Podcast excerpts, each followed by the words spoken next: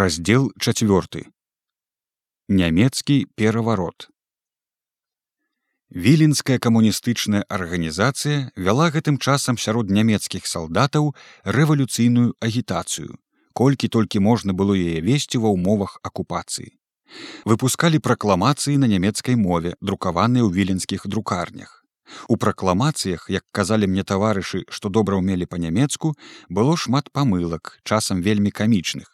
Набор рабілі галоўным чынам рабочыя яўрэі, што хоць і ўмелі па-нямецку, але слаба.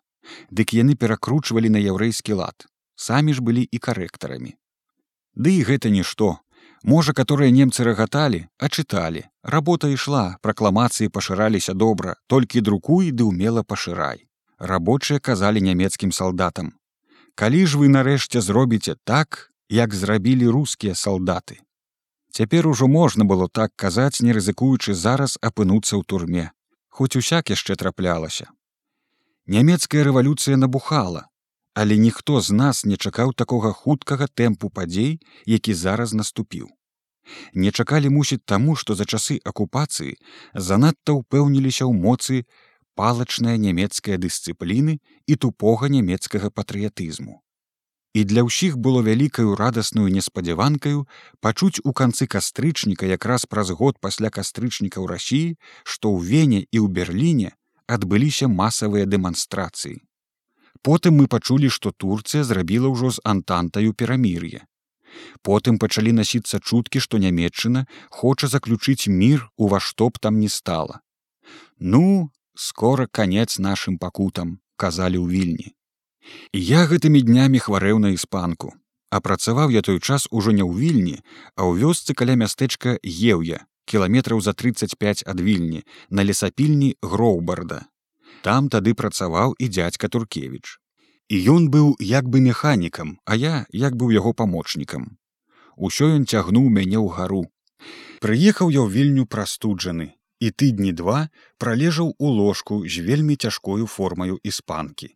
Адну ноч так мяне схапіла, што думаў канаю. Але потым скора пачаў лепшыць, вось ужо выходзіў на вуліцу. Рэвалюцыя ў нямметчыне пачалася 9 лістапада. Весткі аб ёй даляцелі ў вільню на другі дзень 10 лістапада. Здаецца ў нядзелю, бо памятаю, што дзень быў нерабочы. Бацька прыйшоў з вуліцы і кажа: У горадзе дэманстрацыя, у Берліне пераварот. Каб скрыць ад яго сваю вялікую радасць, я наўмысля сцюдзёна і са схаванаю падкуслівасцю ў тоне сказаў яму: « Ну, шмат хто не верыў, пачмейваўся, А вось табе і нямецкая рэвалюцыя. Ён схапіўся быў спрачацца, але я ў тым жа наўмысным тоне паказаў, што мне спрачацца з ім няма аб чым. Напрануўся і пайшоў на вуліцу. Было мне сцюдзёна пасля хваробы, аднак я пайшоў і хадзіў доўга і на хваробу сваю забыўся. Па вуліцах ішлі рабочыя з чырвонымі сцягамі і смела крычалі: Далоў акупацыю. Да іх пачалі далучацца нямецкія салдаты, і яны смела крычалі: Хай жыве рэвалюцыя.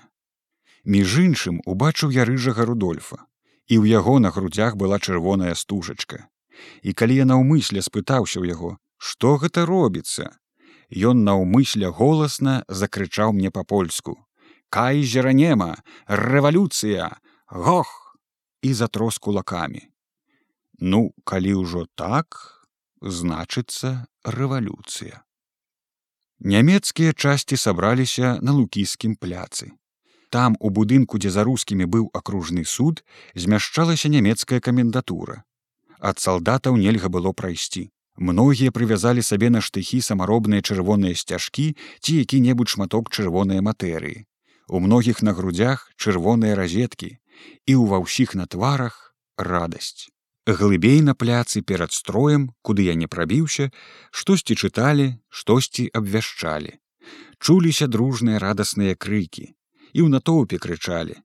І кідалі ў гару шапкі і лоўка лавілі іх, калі яны ляцелі ўніз а над пляцам кружыў аэраплан. Ён моцна затарахцеў, загудзеў і пачаў зніжацца над будынкам камендатуры.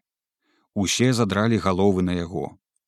Ён праляцеў блізка блізка каля чырвона-бела-чорнага нацыянальнага кайзераўскага сцяга з вялікім чорным арлом, што вісеў на высачэннай мачце на даху. Усе глядзяць. Лётчык хоча сарваць яго. Пасля некалькіх кругоў яму ўдаецца нарэшце смаргануць яго, і кій са сцягам амаль што зваліўся на дах. Усе крычаць: Гох! Віват, брава, ура! Але аэраплан ад штуршка страціў раўнавагу, заварочаўся з боку на бок, паехаў крута ўніз і заскакаў па горцы над абрывам за камендатураю. Добра, што хоць лётчык не забіўся. Гадзіны тры цягнулася лікаванне. Разышліся, і зноў як быццам нічога і не было, усе і ўсё ізноў на сваім месцы. Аднак жа потым скора былі выбраны салдаты нраты, гэта нямецкія салдацкія саветы. Толькі шмат дзе пралезлі ў іх і спачатку кіравалі імі галоўным чынам лейтэнанты і унтэр-афіцеры адданыя свайму скінутаму кайзеру. Палітычныя арыштаваныя не былі вызвалены. І, напрыклад, Ганна Драбович і пасля нямецкага перавароту ўсё яшчэ сядзела ў турме, у горадзе Тэльшах, здаецца. Аднойчы ром і Якшевіч, ідучы па вуліцы ў вільні, зусім выпадкова ўбачылі, як яе вялі пад вартаю турму на лукішкі.